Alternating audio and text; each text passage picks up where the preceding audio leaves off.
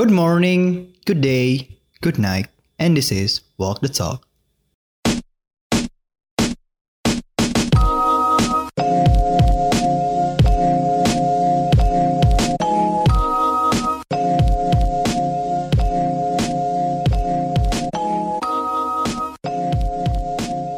Halo teman-teman semua.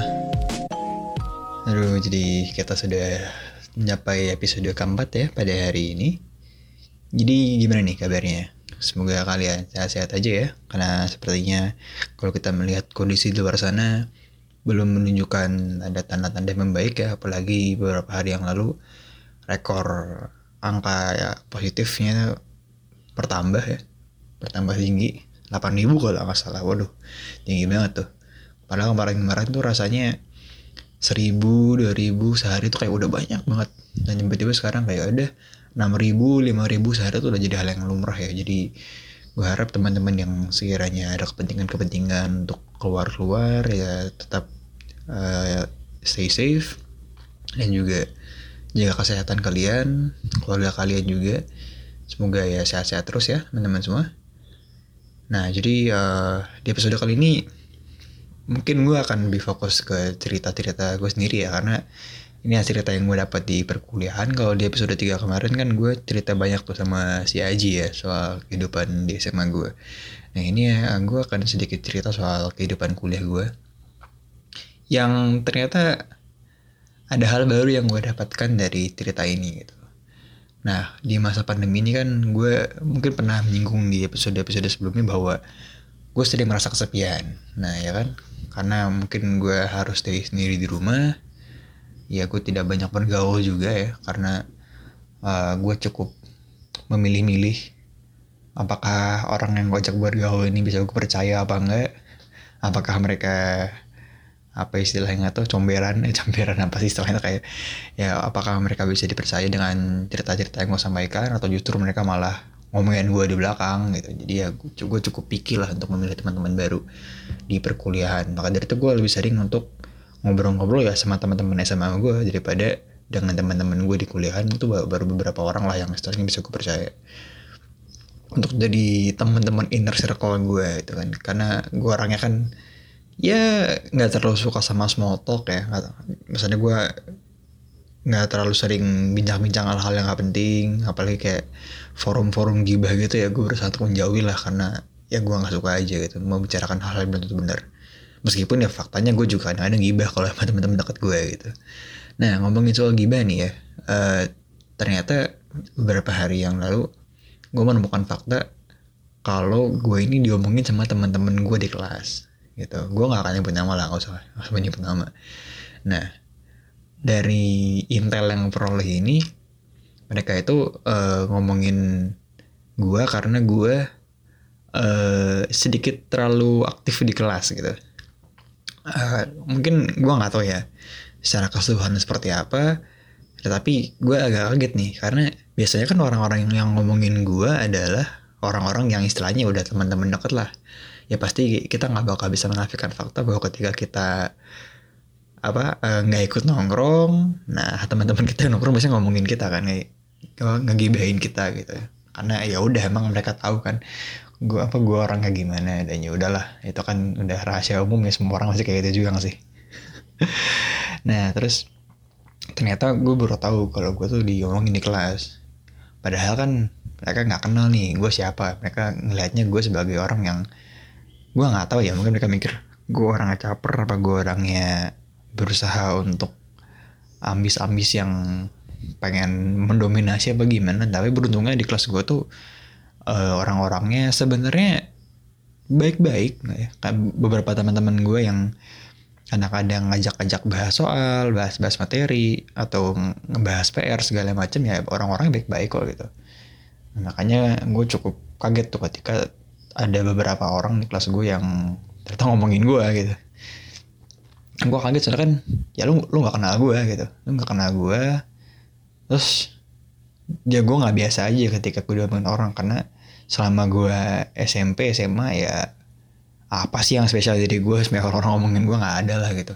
Nggak ada hal-hal yang extraordinary di mata orang gitu. Kalau dari yang gue tahu ya gue nggak tahu lagi sih belakang. Terus gue agak kaget gitu. Terus gue agak-agak itu juga sih. Maksudnya uh, at some point kan intinya ada beberapa orang yang gue kenal oh kayaknya baik kok. Tapi ternyata ya udah nggak apa-apa nggak masalah gitu gue cukup kaget sih karena uh, seperti yang gue bilang kan gue punya trust issue nih buat cerita-cerita buat sharing-sharing kehidupan gue sama teman-teman gue di kuliah. Nah makanya gue kaget nih kenapa ada orang-orang yang setelah itu nggak terlalu kenal gue tapi ngomongin gue nah kalau gue sih menduga karena mungkin gue selihat terlihat sedikit aktif ya karena gue dari zaman aspek jurusan tuh setiap ada sisa tanya jawab sama Kahima sama KBM segala macam gue sering nanya tuh di forum gitu. Nah mungkin orang-orang ini punya pandangan ke gue atau apa sih kayak caper apa gimana gitu ya. Takutnya gitu. Padahal ya niat gue nggak begitu. Niat gue kan ada apa namanya nubung ada kesempatan dalam forum gitu kan. Kenapa gue nggak tanya? Dan juga kalau misalnya di kelas kalau misalnya dosen-dosen gue beri kesempatan ayo ada yang mau nanya apa enggak? Gitu. Biasanya kan kalau kelas online ini kan diem-diem ya. Jalan kan online di offline aja gue dulu di SMP di SMA kalau guru gue nawarin ada yang mau tanya apa enggak? Nggak ada gitu kan biasanya. Nah apalagi kan kalau di kuliahan tuh setahu gue kan kalau kita lihat di film-film tuh kayak oh ada aktif-aktif gitu kan. Nah mungkin juga kalau di offline nanti terlihat lebih aktif ya karena gue nggak tahu kenapa uh, mungkin orang-orang vibesnya lebih kerasa dan akhirnya lebih aktif dari kelas. Nah tapi ketika online ini kan kebanyakan diem-diem aja tuh gitu Nah makanya ya kadang-kadang ya at some point gue menemukan beberapa masalah yang belum gue pahami dalam materi ya gue nanya dong ke dosen gitu. Atau kalau dosen tanya ke kelas tanya ke para mahasiswa mahasiswinya ya pasti gue kalau gue tahu gue bakal jawab dong gitu. Tanpa ada intensi untuk cari tambahan nilai karena kebanyakan dosen-dosen gue tuh yang sekarang uh, bukan tipe dosen yang apa obrolan-obrolan nilai dari yang jawab dapat nilai jawab dapat nilai kebanyakan dosen-dosen gue yang emang gue suka. Kayak misalnya beberapa matkul emang matkul-matkulnya bagus dan dosen-dosennya juga pada baik. Rata-rata mereka tuh nggak memberi nilai tambahan melalui hal seperti itu. Dan case-nya pun kemarin ada tuh. Jadi ada ada salah satu matkul yang gue cukup aktif di situ. Dan ketika UTS kan keluar nilainya nilai UTS gue ini itu nilai yang udah diakumulasikan dengan keaktifan di kelas. Itu pun nilai gue masih kalah jauh dengan teman-teman gue yang nggak seberapa aktif di kelas bahkan diem-diem aja gitu. Nilai-nilai masih lebih bagus dari gue nah, kan berarti kan faktanya bahwa banyak yang, lebih pintar dari gue gitu kan. Ya entahlah atau entah mereka ya beneran pintar apa mereka curang-curang dikit gue nggak tahu lah cuma ya gue, gue ingin mikir positif ya mungkin memang mereka lebih pintar gitu. Nah makanya dari situ aja kayak kalau orang-orang mikir wah gue cari nilai segala macam lu lihat kan nilainya kan dibagiin dari kelas. Lu lihat aja nilai gue nilai biasa-biasa aja gitu. Gue nggak bukan orang yang dapat nilai 90 nilai 95 apalagi 100 gue nggak pernah kayak gitu di kelas gitu. Selalu ada aja orang yang lebih pintar di gue di kelas gue gitu. Makanya kalau ada orang mikir wah gue cari muka ya atau gue pengen ini nih pengen jadi kesayangan dosen jawabannya jelas enggak gitu. Jadi ya mereka ngomongin gue ya lu buang-buang energi aja sih gitu. Ngapain lu ngomongin gue gitu. Pengen lu lu gak kenal gue juga gitu. Nah tapi gue kan cukup kaget ya kayak gue tuh udah merasa kesepian nggak punya temen. Sampai ada ngomongin gue apaan? gitu kan maksudnya. Ya gue teman aja nggak punya gitu. Terus gue gue mau lari ke siapa teman gue di kampus masih dikit gitu. Dan itu pun rata-rata teman-teman yang udah gue kenal sebelum gue masuk kampus. Teman-teman SMA gue SMP gue ada beberapa teman-teman gue yang baru sih yang memang dari luar kota yang emang belum gue kenal sebelumnya baru naik kuliahan ya berapa ada ada teman yang cukup baik sama gue. Tapi kan ya udah gitu itu bukan hal yang apa maksudnya temen gue masih belum banyak lah. Dan temen gue belum banyak aja udah, udah, udah begini gitu. Nah itu gue cukup kaget. Terus gue cukup apa ya ada ada kepikiran juga gitu apakah gue salah dengan aktif di kelas? Tapi gue pikir ya gue nggak salah kok. Orang emang dosen nawarin buat pertanyaan dan juga gue merasa ingin menghargai dosennya. Kalau ada orang yang mikir gue caper atau gimana ya mohon maaf ya gue nggak sesuai dengan apa yang lo pikirkan gitu. Nah terus dari masalah ini kan gue merasa juga tidak banyak orang yang bisa membantu gue ya karena setiap orang punya urusannya masing-masing dan juga mungkin orang punya cara menyikapi hal seperti ini masing-masing juga gitu. Nah, gue cerita ke salah satu teman gue dan dia bilang bahwa ya setiap orang akan mengalami fase seperti ini gitu. Setiap orang akan ada fase di mana mereka ya mungkin bisa dibilang merasa sendiri. Ada fase di mana mereka harus belum punya teman harus berjuang sendiri. Dan fase-fase ini tuh dulu nggak gue alami ketika gue SMP atau SMA ketika gue dulu SMP teman gue pada baik-baik gitu. Teman gue pada baik-baik semua bisa dibilang ya akur banget lah gitu.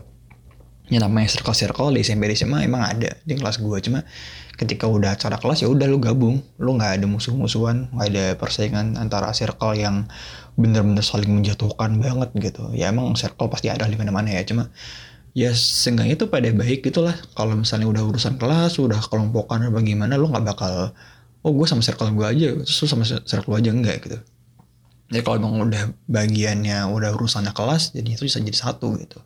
Nah tapi hal ini tuh kan gue kaget ya mungkin karena gue online dan gue nggak mengalami hal seperti itu. Jadinya kayak gue kaget ngapain ada orang ngomongin gue gitu. Nah gue kan orangnya rada-rada apa ya sensi bisa dibilang kali ya. Gue agak sedikit terlalu perasa gitu. Nah dari terus gue pikirin kayak kebiasaan gue yang terlalu perasa itu tuh nggak baik kalau gue terus terusin terus gue tanam gitu. Ini harus gue cabut segera karena ya ketika gue udah dewasa kan ya gue nggak boleh baperan lah nggak boleh terlalu perasa nggak boleh ya pakai logika deh kebanyakannya gitu. Karena ketika lu terlalu perasa kan nantinya kita nggak tahu kan yang namanya dunia ini kan nggak semua orang tuh baik ya. Kita mau sebaik apa pun pasti ada aja lah yang ngomongin. Nah terus dari masalah ini tuh gue mencari sebuah uh, solusi gitu. Gue mencari jalan keluar lah. Gue berusaha untuk mensugesti, menstimulus pemikiran dan perasaan gue.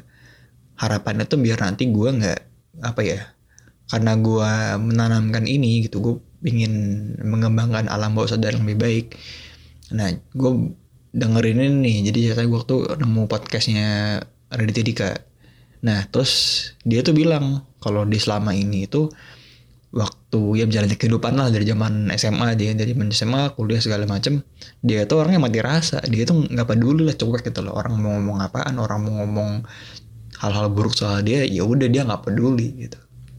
Nah terus dari situ bertemulah gue dengan teori lingkaran kendali. Nah jadi lingkaran kendali ini sebenarnya gue pernah lihat tuh waktu itu di Instagram gitu ya sekelibat gue gue lihat di Instagram. Uh, jadi lingkaran kendali ini kalau lo pernah belajar materi diagram ya matematika materi himpunan. Pasti lihat pernah diagram Venn nah diagram Venn kan ada lingkaran terus ada daerah komplementer daerah di luar lingkarannya itu. Nah jadi lingkaran kendali ini adalah uh, semacamnya diagram Venn gitu. Hal-hal yang bisa lo kendalikan itu ada di dalam lingkarannya dan hal-hal yang nggak bisa ada di luar lingkarannya gitu. Lo kebayangkan pasti ah, misalnya himpunan A apa yang bukan himpunan A apa komplementernya gitu kan Nah, terus hal-hal yang bisa kita kendaliin itu bisa dibilang hal-hal yang emang berasal dari dalam diri kita. Contohnya kayak pikiran nih, pikiran. Nah, kalau kita pikirin, kalau kita pikirin. nah, kalau kita apa ya? Bayangkan gitu ya.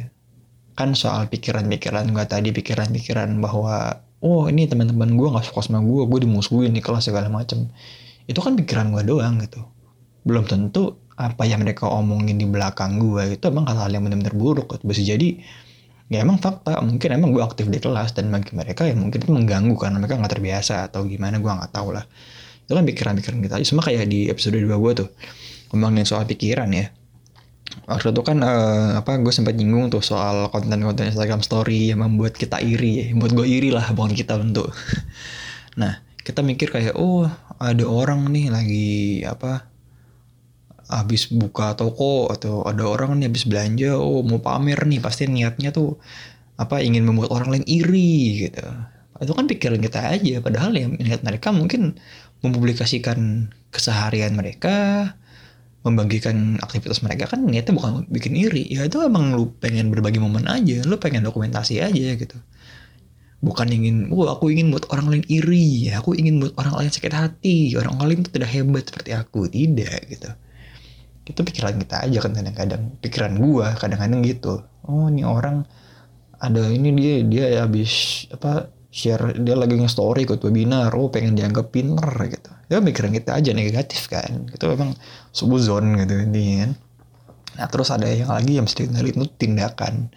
Tindakan ini gue mau sedikit uh, apa ya menyinggung ini gitu. Temen gue kemarin ada yang apa diprovokasi. Jadi ada suatu acara dia diprovokasi ya tindakan kan bisa kita kendalikan ya. Cara kita merespon suatu stimulus cara kita merespon suatu pancingan suatu rangsangan dari orang lain kan kita bisa mengendalikan gitu. Kalau kita di sama kayak gue ngomongin kayak gini gitu. Kalau kayak gue kalau dia ngomongin tadi tindakan gue bisa aja tuh. Gue tahu siapa ngelakuin gue bisa aja konfrontasi gitu. Lo ngapain ngomongin gue di belakang? Gue bisa aja kayak gitu kan. Tapi gue pikir ya buat apa gitu? Ngomong energi aja. Dan justru takutnya malah dia mikir oh ini Sarehan ini nih gampang kepicu gitu kan. Takutnya gitu. Jadi ya udahlah. Tindakan gue ya udahlah. Ngapa aja ya mungkin itu kritik buat gue apa ya mungkin itu angin lalu aja lah. Yang namanya orang kan pasti ada aja tuh. Uh, apa ya kita nggak bisa lah membuat semua orang suka sama kita mau sebaik apa pun kita ya pasti ada aja lah orang-orang yang nggak suka. Nah terus juga hal yang bisa ini tuh adalah pandangan cara kita memandang sesuatu. Sama kayak yang lagi-lagi ke masalah yang tadi sih. Lagi-lagi ke masalah apa namanya uh, soal diomongin di belakang tadi gitu. Pandangan kita ya mungkin ya udah nggak usah mikir sebagai hal yang negatif. Biarin aja gitu orang mau ngomong apa aja terserah. Soalnya gue gue pernah mikir gini nih suatu saat nanti mungkin ya gue jadi public figure atau mungkin gue jadi podcaster yang terkenal, gue jadi videographer yang terkenal, jadi travel blogger, jadi influencer segala macam. Gue kadang-kadang halu kayak gitu kan. Nah ada orang yang mikir pandangan orang-orang mendengar gue mungkin ada yang mikir oh enak ya Rehannya privilege gitu. Oh enak ya Rehan duitnya banyak. Oh enak ke travel mulu jalan-jalan dibayar gitu. Itu kan pandangannya orang gitu. Nah, tapi nah, makanya ini tuh juga hal yang bisa dikenalin kan. Pandangan orang tuh kita nggak bisa ngontrol lo orang mau kita kayak gimana ya? Ya udah gitu kan kita bikin image kita bikin branding yang sebagai pesan demikian rupa tapi orang lihat kita kan bisa jadi beda gitu. Nah mungkin dari kita pribadi dari gue sendiri ya pandangan gue melihat orang lain itu ya harusnya ya sepositif mungkin aja gitu. Jangan jadikan suatu keburukan yang orang lain punya itu merusak semua kebaikannya gitu. Soalnya ada gue case kayak gitu temen gue ada yang baik banget tapi dia melakukan satu kesalahan yang ya nggak terlalu besar tapi akhirnya yang diinget-inget kesalahannya gitu. Jadi kan kasihan juga gue kadang-kadang. Jadi ya tapi ya udahlah tiap orang beda kan lagi-lagi gitu. Nah terus sekarang ke hal-hal yang nggak bisa dikendaliin tuh. Perlakuan cara orang memperlakukan kita. Contoh kalau misalnya lo kerja kelompok ya kerja kelompok lu jadi ketua kelompok atau ya apa pun lu ada program kerja atau lu ada ya, apa di organisasi apalah gitu lu jadi ketua lu jadi koor segala macam. Lu bisa apa istilahnya tuh mengordinasikan dengan teman-teman lu ajak mereka bekerja sama. Tetapi pada akhirnya hasil yang nanti lu peroleh kinerjanya mereka kita nggak bisa kontrol. Kita nggak bisa oh lu kerjain ya dan lainnya besok gitu belum tentu nanti mereka bener mau jalan besok. Ada orang-orang yang emang nggak bodo amat lah nggak peduli gitu. Gue sebentar tugas kelompok ngapain gue ngerjain? Gitu. Bilang aja gue sorry gue lupa gitu. Mungkin barangkali ada. Ya kan kita nggak bisa mengendalikan itu. Perlakuan yang orang lain ke kita mereka mau jahat ke kita ya kita nggak bisa berlaku apa pun soal itu. Nah maka dari itu gue belajar nih oh di kuliahan itu orang-orang lebih individualis ya gitu. Nggak semua orang sebaik teman-teman gue SMP SMA dulu dan mungkin temen SMP SMA gue dulu ya mungkin ada juga lah yang nggak baik gitu ya. Termasuk gue mungkin. Karena gue juga merasa ya banyak salahnya juga lah ke teman-teman gue SMP SMA ya mungkin karena gue pelakunya kali ya sekarang karma apa gimana gue nggak tahu lah. Nah terus perkataan juga lagi-lagi perkataan orang lain nggak bisa kita kendalikan lah.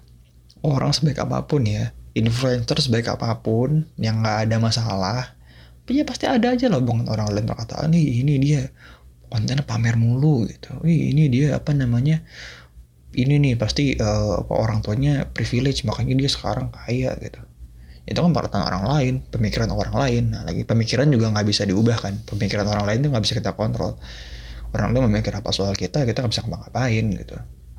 Dan dari sini tuh dari teori lingkaran kendali ini gue apa ya, gue sadar gitu. Mau bagaimanapun orang, mau sebaik apa pun orang, ya dia nggak bisa mengendalikan apa yang orang lain pikirkan gitu. Perspektif orang beda-beda. Ada orang yang melihat anak yang rajin di kelas itu sebagai orang yang baik gitu. Sebagai oh ini bisa nih jadi teman belajar gue kalau gue mau tanya-tanya oh berdiskusi bisa ke dia nih. Ada orang yang mikir positif. Ada juga orang yang mikirnya oh ini caper nih. Ngapain sih dia? Sosokan oh, pengen kelihatan ambis pengen apa istilahnya kayak pikirannya negatif gitu kita nggak bisa mengendalikan itu. Ada orang yang bakal mikir positif ada orang mikir negatif gitu. Sebaik apa pun orang ya berbagai kreator yang di Instagram kalau kasarnya mereka itu sama. Kurang lebih selalu ada aja haters-haters selalu ada aja orang-orang yang istilahnya itu memberikan feedback buruk terhadap apa yang mereka lakukan. Padahal mereka juga nggak salah tapi orang menangnya salah gitu. Kayak orang yang udah melihat oh si A ini pokoknya buruk buruk buruk buruk gitu. Jadi ketika lo terpikirkan si A itu cuma hal buruk doang. Hal baiknya nggak ada. Yang udah tertanam di kepala lo si A itu jelek. Nah ini hal-hal yang nggak bisa lo kendalikan gitu. Nah maka dari itu ya sebaik apa pun orang ya selalu ada aja lah yang misalnya nggak suka sama lo gitu. Dengan menyadari adanya hal seperti ini, teori seperti ini, gue ingin membuka pikiran gue, gue ingin apa istilahnya berbagi cerita juga ke kalian bahwa ya kita mau sebaik apa pun, feedback yang kita dapat itu belum tentu sesuai dengan apa yang kita kasih gitu apa yang kita kasih ke si A ya belum tentu nanti si A bakal ngasih sebesar apa yang kita kasih gitu. Tapi bisa jadi feedback yang kita dapat itu justru malah dari si B. Bisa jadi orang yang baik itu malah orang yang gak sangka-sangka sebelumnya. Awalnya gue mikir, oh dia diem aja orangnya itu. Tahunya ketika lo kenal, oh, udah baik banget. Gitu. Itu. Jadi itu yang gue pelajari di perkuliahan ini sedikit dari pergaulan. Karena gue di kuliah ini kan gue nggak bukan anak nongkrong ya gue kan gak bisa keluar keluar gitu apalagi kan bokap gue ya sendirian di rumah takut kenapa-napa juga kalau misalnya gue keluar keluar tiba-tiba gue amit-amit kenapa-napa kan gue nggak bisa gue nggak mau ini lah ya gue nggak mau ngambil risiko lah makanya gue meminimalisir untuk nongkrong-nongkrong di tempat yang rame gitu karena gue nggak mau nggak mau kenapa-napa gitu. Kalau yang kena gue sih nggak apa-apa. Ya tapi kalau sampai ke keluarga gue kan ya amit-amit gitu bilang ya. Makanya ya gue juga merasa aduh gue kuper banget ya di kuliah ini. Gue mentok-mentok nongkrong itu ya paling apa ya zoom kali ya. Gue kalau sama teman-teman SMA gue ya mungkin pernah nongkrong ya. Waktu itu pernah nongkrong sekali. Dan beruntung juga tempatnya nggak terlalu rame gitu. Dekat rumah juga. Makanya gue masih berani buat nongkrong tapi kan kalau gue bergaul sama teman-teman kuliah gue segala macam ya gue harus sedikit lebih selektif juga kan karena uh, pertama jaraknya cuma main jauh dari gue kan rata-rata teman-teman nongkrong Surabaya ya gitu dan juga ya Surabaya kan lebih rame gitu biar Nah makanya gue lebih hati-hati dan ya tapi negatifnya ya mungkin gue belum banyak temen sekarang gitu. Mungkin ya tapi gue pikir ya mungkin belum waktunya aja. Mungkin kalau orang-orang mikir gue awalnya kan udah mikir ya aduh jangan-jangan gue udah deh di, di kampus gue gak bakal punya temen deh bubar lah gue gak punya temen. Kupu-kupu udah gue tapi kan itu kan pikiran gue aja gitu. Gue bisa mengendalikan gue bisa mensugesti bahwa oh belum kok nanti gue bakal punya banyak temen kok gitu. Karena dengan memberi sugesti kayak gitu ya gue bakal lebih percaya diri gue bakal lebih sering itu nggak minder ketika nanti gue harus gaul lagi.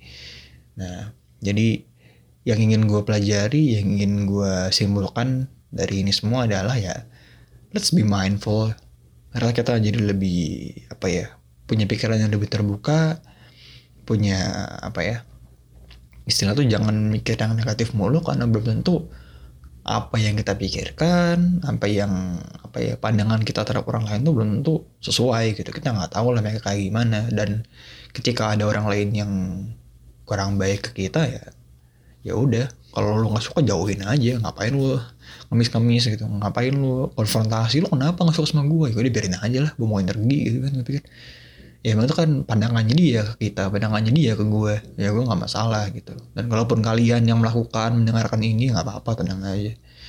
Aku tidak musuh kalian ya kita teman. Lo kalau butuh apa-apa ya pasti boleh ke gue kalau kerja kelompok sama gue ya pasti tetap gue kerjain nah jadi uh, harapan gue adalah buat teman-teman yang lagi mendengarkan ini siapa tahu kalian ada di situasi seperti ini situasi yang kayak online ini kan cukup kesulitan ya teman-teman gue juga cerita. Belum banyak teman segala macam ya jadi secara sosial tuh belum masih bahasa kurang banget. Ya gue ingin mengingatkan ke diri gue sendiri buat teman-teman juga bahwa ya mungkin belum saatnya kita punya banyak teman sekarang karena pandemi seperti ini kan yang kita jangan maksain keadaan untuk join nongkrong sana sini segala macam kalau kalian merasa nggak siap kalian merasa nggak dulu deh jangan gitu. Teman bisa dapet dari mana aja kok teman. Gue teman gue ada tuh. Dia online dia anak anak Jakarta ya anak Jakarta. Temennya banyak banyak aja di kelas itu karena emang ya apa namanya dia bisa bergaul dia bisa adaptasi dan kebetulan temannya pada baik-baik. Ya nggak masalah gitu. Lo nggak harus tidak harus semuanya diselesaikan hari ini gitu ya perlahan-lahan lah. Lu buat hubungan-hubungan pertemanan yang baik dengan berapa orang dulu jangan wah gue pengen dikenal satu angkatan langsung. Tidak bisa ya. Karena situasi yang masa seperti ini jadi ya selalu lebih utamain kesehatan kalian dulu lah. Kalau kalian merasa kalian kesepian ya jangan masih buat nongkrong ke harapan gue atau ya boleh nongkrong tapi ya cari tempat yang aman jangan yang terlalu rame gitu. Dan juga harapannya ke depannya uh, gue bisa lebih mengendalikan diri gue sih. Gue nggak mau jadi orang yang baperan karena suatu saat ketika gue jadi pemimpin gue jadi gue bilang gue jadi influencer segala macem ya gue harap kalau ada orang yang gak suka dia berani langsung bilang ke gue dengan menyampaikan kritik. Bukan ngomongin doang di belakang gitu. Tapi ya udah kalau ngomongin doang di belakang ya gak masalah juga. Karena kan ya itu sambil lalu aja tuh gosip doang gitu. Kalau emang buruk ya tuh gosip. Kalau fakta ya udah gitu ya lu terima aja sama fakta seperti itu. Misalnya gue dibilang rajin ya amin gitu kan. Aminin aja udah apa yang orang lain. Perkataan baik orang tuh diaminin aja udah. Gitu kan mau yang kalau yang jelek ya udah biarin aja. Kan dia hanya menyebar hal-hal yang buruk gitu. Yang nggak sesuai fakta. Kalau mau lu konfrontasi boleh sih. Kalau mau kalau nggak terima gitu ya. Lu difitnah segala macam ya lawan aja kalau lu mau. Kalau rasa perlu tapi kalau nggak perlu ya nggak usah. Lu malah bombong energi malah bikin hari lu buruk negativity lo malah jadi buruk gitu kan. Harusnya bisa lo gunakan untuk hal yang positif gunakan yang baik-baik aja yang ngapain buang-buang waktu untuk hal yang nggak penting kayak mereka gitu. Jadi ya orang bilang tuh kayak mindfulness gitu ya. Mindfulness bisa ya nggak sih mindfulness sih? Aku tahu lah gue itulah kali. Pokoknya ya untuk lebih bijaksana lebih sadar akan diri lo sendiri yang gue harap buat teman-teman semua yang masih berjuang untuk adaptasi dan kuliah online yang belum punya banyak temen ya gue harap ketika kalian nanti sudah offline atau mungkin habis dengerin podcast ini atau mungkin sekarang lagi membangun good relationship dengan teman-teman kalian gue harap kalian mengalami masa kuliah yang menyenangkan ya seperti gue bilang di episode 3 yang SMA nya belum menyenangkan ya gue harap di kuliah ini lebih menyenangkan orang-orang lebih baik-baik lagi kalian bertemu dengan rekan-rekan hidup kalian, rekan-rekan kerja kalian di organisasi atau di mana pun kalian berada ya semoga orang-orang itu orang-orang yang baik, satu frekuensi yang bijaksana yang membawa perubahan positif ke kehidupan sehari-hari kita lah gitu. Harapan gue seperti itu sih. Jadi gue harap everything is better. Ya pandemi ini segera selesai vaksinasinya juga semuanya selesai dan tidak ada efek samping yang buruk ya karena orang-orang banyak yang ragu tuh aman apa enggak tentang vaksin segala macam. Makanya gue juga masih agak skeptis ketika berbicara kuliah offline jadi lebih baik online dulu kalau menurut pribadi. Dan gue harap kalian juga selalu jaga kesehatan kalian jasmani dan rohani ya. Nggak cuma kesehatan jasmani doang tapi ya rohani kalian ya gue harap. Kalau yang lagi capek-capek ya ada waktu rehat istirahat makan yang bener tidur yang cukup. Kalau sekiranya kalian mampu ya gue harap kalian mampu sih. Jadi stay safe everyone. Thank you buat yang udah dengerin episode ini. Semoga bermanfaat. Dan I'll see you next time. Goodbye. Good morning good day good night. And this is walk the talk